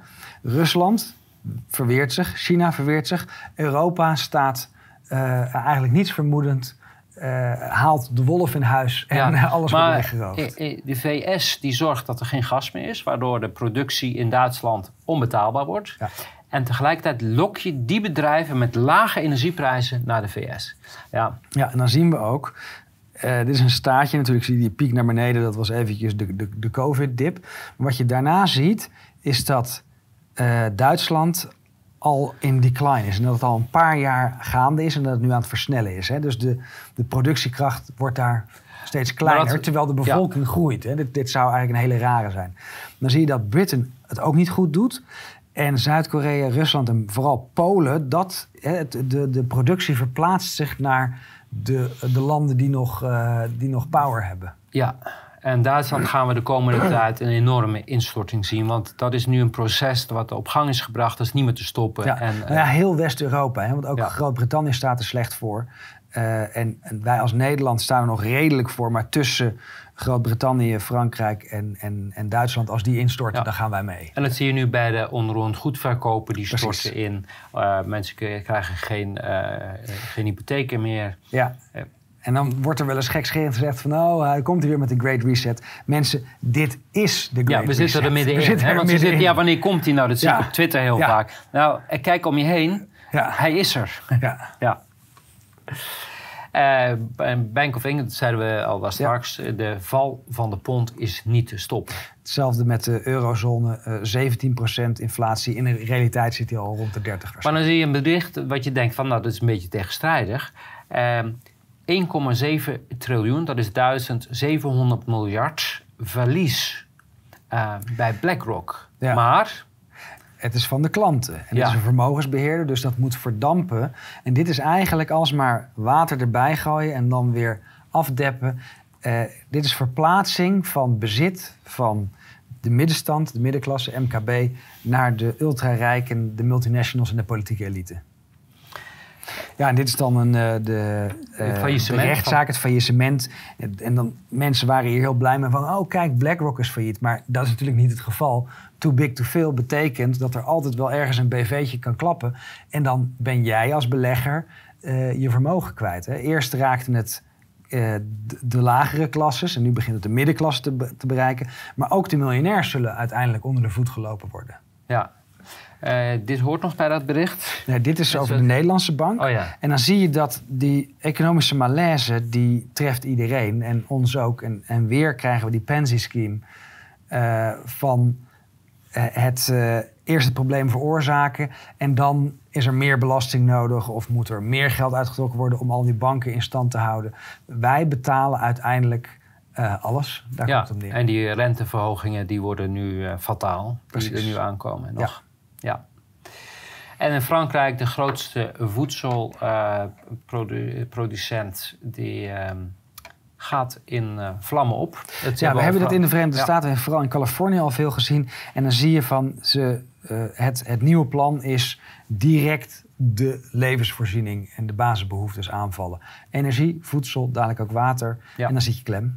Ja, dus een heel uh, veelzeggend plaatje wat echt... ja. Hè, we, dit, eh, iedereen heeft het al geprobeerd en, uh, iedereen kwam er heel erg beschadigd uit. Het werd een ramp. Ja? Ja. Maar socialisme. Maar ja, al die anderen deden het verkeerd. Deze keer gaan we het goed krijgen. Ja, dat is waar we precies weer in zitten. Maar nog even bij juridisch. Ja. Heel mooi. Mijn zaak uh, die kabbelt voort, maar uh, de zaak tegen uh, Jan Bonte, die ook voor opruiming werd opgepakt, ja. die hebben ze laten gaan. De, het scheutje ammoniak in de koffie en de, de stikstofkoekjes waren, waren te ridicuul. Dus ja. met de staart tussen de benen moesten ze toegeven: oké, okay, we hebben je alleen maar bang gemaakt, bedreigd, een, een, dag in de cel gezet. Maar ondertussen heb je wel een nacht in de cel gezeten. Ja. Ik ook. Ze hebben mijn zaak nee, maar Ik heb het met Jan ja. over gehad. Natuurlijk gaat hij voor, uh, voor schadevergoeding. Uh, het probleem is dat het al een enorm chilling effect heeft gehad. Als je ja. thuis wordt opgehaald als arts omdat je een grapje maakt op Twitter. En Hongarije, heel treffend, wil een spoedzitting over Nederlandse rechtsstaat. En ik zal je even vertellen, kijk, Hongarije is is, is ook een, gewoon een dictatuurtje hoor. Uh, ik bedoel, uh, ja. iedereen denkt dat Orbán beter is. Kijk, Orbán heeft wat dingen die hij beter doet. Omdat hij uh, op bepaalde punten zijn... Net als Poetin met die referenda ja. doet Hongarije nu hetzelfde bij Nederland. Jij met het vingertje wijzen? Ja. Oh, maar Laten we even kijken naar Nederland. Precies. En heeft hij een punt, hè? Want Nederland, heeft hij een punt. Ja. ja. Karim Achboun die ging afgelopen week viraal. Ik ja. echt ongelooflijk uh, vaak gedeeld. Hij schijnt een adviseur achter de schermen geweest zijn van Rutte en uh, zaken voor hem gedaan hebben. Um, en hij uh, komt naar buiten nu. tenminste, ja. hij, um, hij gaat Rutte is onhoudbaar geworden, zegt hij. En ja. er komen er komt Daar komt hij laat achter, maar ja. misschien had hij uh, belangenverstrengeling. Uh, ik heb hem ook al eerder gezien in een zaak met Grapperhaus. Dus uh, we houden het in de gaten. Ja, maar in ieder geval een goed teken. Ik hoop ja. dat velen hem volgen. betalingen aan artsen blijken niet terug te vinden te zijn. En dan gaat het over artsen die commissies krijgen voor het voorschrijven van medicijnen voor propageren. Dat is toch heel gek, want je zou toch zeggen dat artsen heel erg ethisch handelen altijd en echt een moreel kompas hebben. Nou, um, daar zijn we de afgelopen 2,5 jaar achter gekomen wat die eten die ze afgelegd hebben, wat dat waard is. En ja. de integriteit die gaat niet dieper dan uh, de portemonnee. Ja, en alle gekheid op een stokje, er zijn echt nog wel ethisch uh, verantwoorde artsen aanwezig. En die worden dus opgepakt voor stikstofkoekjes. Ja, precies. Um, dit gaat over de vlucht die uh, Olaf Scholz destijds maakte. Ja, met... en hier, hier wordt er verdedigd van ja, maar let op. Ja, wacht even, ze hadden geen mondkapje op ja. in een vlucht, hè? daar gaat ja. het over. Ja. Dus die wordt verdedigd van ja, het is dan wel tegen de regels, maar deze mensen zaten in een privéjet en dat was geen openbaar vervoer, dus daar hoeft het niet. Okay. Maar de, er zitten een paar dingen in. Eén, uh, het rechtssysteem is is krommer dan krom. Hè? Dus de all animals are equal uh, except uh, others. Hè? Are more equal than others. Um, maar er zit ook iets bij wat het hele COVID-verhaal natuurlijk totaal ondermijnt. Van je, je draagt die mondkapjes zogenaamd tegen de verspreiding. Ja, nee, het gaat dus, erom gehoorzaamheid. Precies. Hè? Dit is heel duidelijk, ja. gaat over gehoorzaamheid. Ja. ja. Ik hoor nog een aantal medisch uh, dit is een bericht van Pfizer mij, Nederland. Ja. De polyneuropathie. Ja, en, en amyloïdose. Uh, wat mij zo opviel is dat Pfizer flink reclame aan het maken is. Elke post of elke Twitter-pagina die ik open doe, dan zie ik weer een reclame over dit specifieke onderwerp. We hebben het al een keer eerder gezegd van, hé, hey, let op, de, de de apenpokken, dat was natuurlijk om die uh, herpesachtige ja. uitbraken uh, die werden veroorzaakt door de prikjes te maskeren. Uh, we weten dat uh, myocarditis een, een, probleem is. Nou, daar hebben ze de Sudden Adult Death Syndrome voor verzonnen. maar er is nog een andere grote probleem. Dat zijn de, de, de neurologische schades van tremors of verlammingen, et cetera. Dus ik heb het gevoel dat dit weer een programma is om, om de dat af te, te dekken. Ja, ja, ja. Dus het is niet, die prikjes kunnen het nooit zijn. Het is nog ja. een complot. Maar... Geen idee waar het vandaan komt, maar de prikjes zijn in ieder geval niet. Nee. Want die zijn veilig. En Pfizer-chef uh, Albert Boula, ja, weer... Uh, Fantastisch hè, hoe hij dat doet, wat een held. Hij blijft maar doortesten en hij vangt al die infecties voor ons op. En zogenaamd prikt hij ook door. Hè? Ja. Ik geloof er geen bal van. Maar... Nee. Maar... En dan ja, de prikjes, de verzameling prikjes is nog lang niet klaar. Nee. We verzinnen er ieder jaar een paar bij. En nu willen ze alle kinderen met rotavirusvaccins gaan. Maar met een drankje. En daar, daar schrok ik toch een beetje van. Uh, wat vind jij daarvan? Een vaccin met een drankje? Nou, het kan. We hebben dat eerder gezien met uh, het verplichte uh, adeno-vaccin voor de militairen. Dan krijgen ze serotype 4 en 7. We hebben, ik heb daar een uitzending over gemaakt dat dat misschien wel de, de reden is van de hele uitbraak van de zogenaamde coronapandemie. Maar dit soort dingen, ja, het is allemaal bedrog. Het is allemaal bedrog en het gaat alleen maar over afpersing en bedriegen. Ja, veelbelovend middel tegen RS-virus. Baby's gaan hiervan profiteren. Uh, ja, als je dat leest, dan, dan moet je eigenlijk lezen... Wie, leest, wie profiteert er dan precies van? Ja. Gaat hiervan profiteren. Ja. Studie onder 20.000 mensen. Klein effect coronaprik op menstruatie. Ja, ik zeg al, de klein effect, groot, grote gevolgen. Ja, ja. Um, dit is heel misleidend, want uh, we zeggen al een tijd... let op, het kan gevolgen hebben voor de vruchtbaarheid. Het is constant van tafel geveegd. Nu staat het vast. En nog steeds wordt er beweerd, ja, maar het is maar een klein effect. Hè. Het is maar ja. één of twee dagen dat je uh, uh, periode ontregeld raakt. Uh, ja, maar dat kan wel het verschil tussen wel of geen zwanger zijn hebben. Ja. En uh, de studie bevestigt de link tussen COVID-19-vaccinatie en tijdelijke uh, stijging van de menstruatiecyclus. Ja, dus het is nu onomstotelijk bewezen. En dit geeft aan, dit had voor het gebeuren moeten zijn. Dus dit, ge dit geeft nogmaals aan, de Conditional Marketing Authorization moet direct worden ingetrokken. Er zijn nu allerlei effecten die wel werden vermoed, die onder de tafel werden geveegd en die nu waar, waar blijken. Maar goed, die moeten sowieso ingetrokken, want ze krijgen een definitieve vergunning nu. Uh, dat is, uh, daar komen we zo nog op. Ja.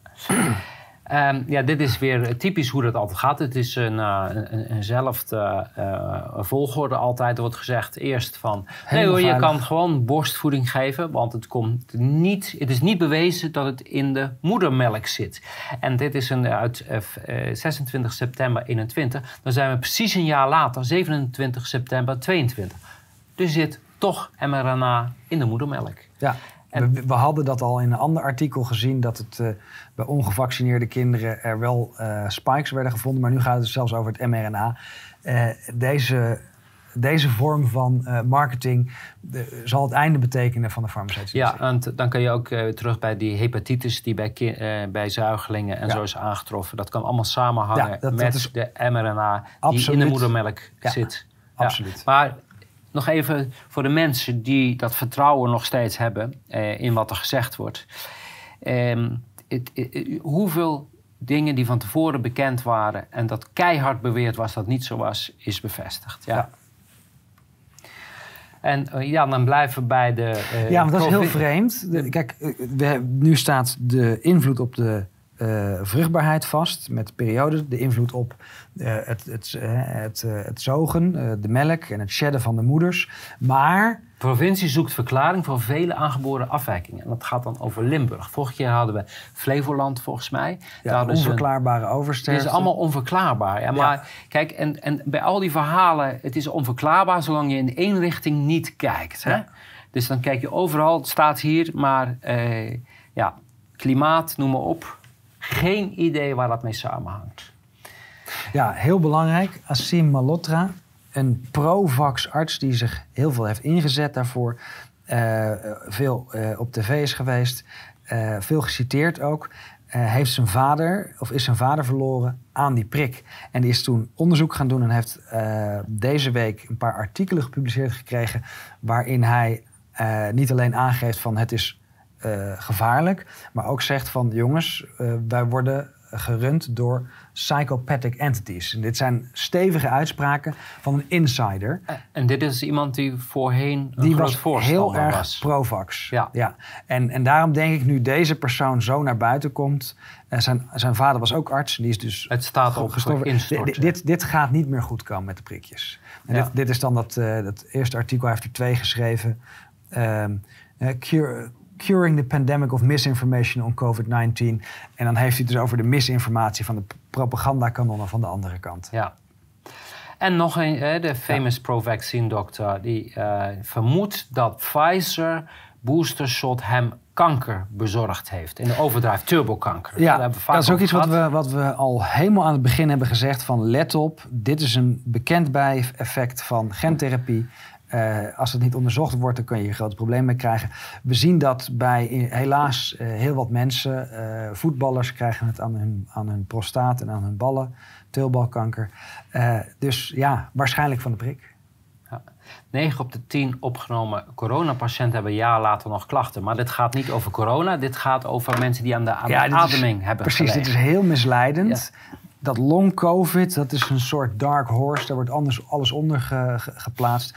Uh, we moeten drie of vier groepen onderscheiden. Deze groep gaat over mensen die op de IC hebben gelegen. En dan gaan we naar de volgende. Oh, kijk.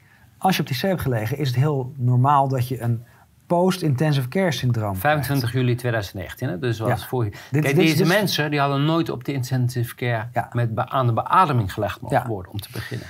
Precies, dus dat is een groep. Dan is er een groep die uh, getriggerd wordt. En dat is dan voor, bijvoorbeeld het Epstein-Barr-virus. Die krijgen Pfeiffer-achtige klachten, uh, uh, worden erg ernstig moe.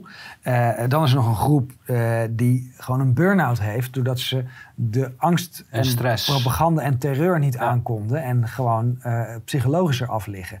Dus die groepen worden allemaal op één hoop gegooid... en wordt gezegd van dit zijn de lange termijn effecten van COVID. Er is maar een heel klein groepje dat daadwerkelijk daar fysiek lange termijn effecten van heeft. En ik weet niet of, dit, of ik dat juist zeg dat de ratten het schip verlaten. Ja. dit dus- is een, uh, ook een, een, eh, voormalig Eco Health Alliance. Uh, en we zagen al Jeffrey Sachs in, in The Lancet een paar weken geleden een artikel plaatsen van ja, het is onderdrukt, maar het komt toch waarschijnlijk uit een lab. Eco Health Alliance, dat was de, de, de intermediate tussen Wuhan Institute of Virology en uh, de, de North Carolina Chapel Hill Instituut, oftewel de NIAID, die daar uh, gentherapeutisch onderzoek deed. En dan zie je, het gaat richting Fauci, richting Gates. Een ja. uh, aantal mensen die gaan geslachtofferd worden. Ja, Amerikaanse Rode Kruis uh, die staat, ligt nu ook onder vuur nadat ze uh, toegegeven hebben dat ze het gevaccineerde bloed niet van ongevaccineerd bloed uh, separeren. In Nederland is dat niet anders. Dat doen ze niet, want ze zijn ervan overtuigd dat, het geen probleem heeft. Maar nu we weten van die baby's dat het wel effect heeft, is dit natuurlijk misdadig. Ja, absoluut. Ook in Twente onverklaarbaar oversterfte. 200 extra overlijdens. Ja. waar zou dat nou van komen? Ik heb geen idee. Maar ik heb wel een actie gezien deze week met een grote olifant. Daar komen we zo nog over te spreken. Ja. Uh, ja, dan komen we even weer de, de obituaries. ja, hij ging slapen met hevige hoofdpijn. 20 jaar. 20 jaar fataal. Gecondoleerd. Hilary Mantel, 70 jaar overleden. Een van de grootste Engelse romanschrijvers. Ja. Dan gaan we naar 28-jarige trambestuurder, plotseling en onverwachts. Kenny was in crème van een gast. Jongeman, 21 jaar, thuis onverwachts overleden. Hoeks, lieveling en enfant terrible David Gijzel overleden, 50 jaar. Plotseling en onverwachts. Buschauffeur, Manfred, 36, zakte ineen op voetpad nadat eh, kinderen waren uitgestapt en overlijdt in ziekenhuis. Levensverhaal. Luan, 22, overlijdt tijdens een partijtje basket met zijn mama. Met zijn glimlach kon hij de wereld steeds weer beter maken. En dan komen we bij de laatste van deze serie. En we zouden hier ja, nog duizend uur mee kunnen vullen. Maar nogmaals, we weten niet van al deze mensen dat ze Op individueel niveau niet, maar wel op metaniveau kan je zien... Uh, dit, dit zijn geen toevalligheden. Nee. Dit is iemand, net dus die, die vorige het schrijnende, hè, dat, dat, dat de, de hardliners die zeggen... iedereen die die prik niet neemt is gek... en die zou fysiek gedwongen moeten worden, die sterven ook. Het is treurig. Het is heel treurig, ja. Ja. En ehm, dan komen we bij, een, we hebben een, uh, op ons bezwaar, uh, dat gaat over een uh, eh, WO-verzoek, ja. wet openbaarheid bestuur, of hoe, hoe dat tegenwoordig heet. Um, we hebben daar bezwaar, even kort samengevat. We hebben gevraagd de agenda.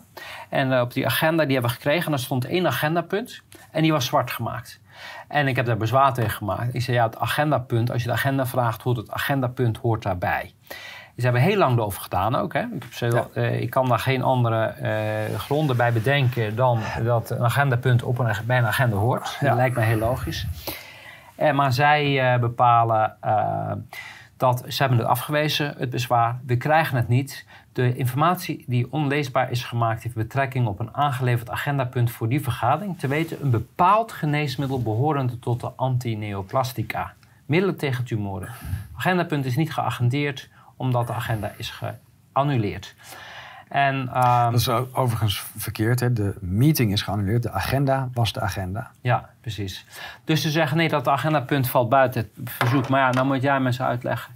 Uh, wat kan er op tegen zijn om een agenda... Het gaat niet over bedrijfsinformatie. Het gaat alleen maar over een, kennelijk zeggen zij, een middel wat daar genoemd wordt. En waarom drukken we hier zo op door? Wij weten door de dingen die de EMA wel heeft gepubliceerd, dat er op 29 juli werd opgeroepen tot een written procedure, ook om buiten de normale controle bij de CAT, dus de Commission for Advanced Therapy, die over gentherapie gaat, te blijven.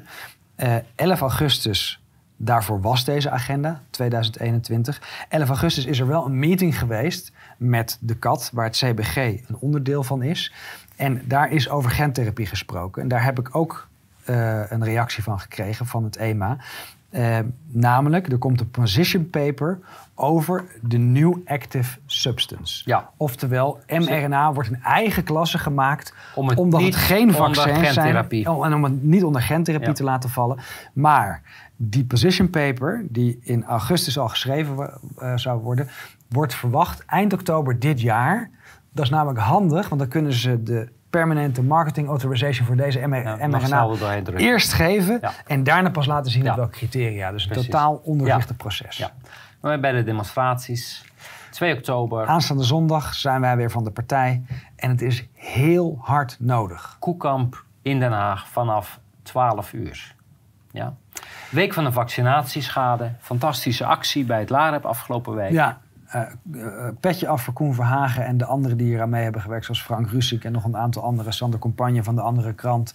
Het is op ongehoord geweest. ze zijn naar de Tweede Kamer geweest, naar het LAREP geweest. Kijk het allemaal terug op vaccinatieschade.com.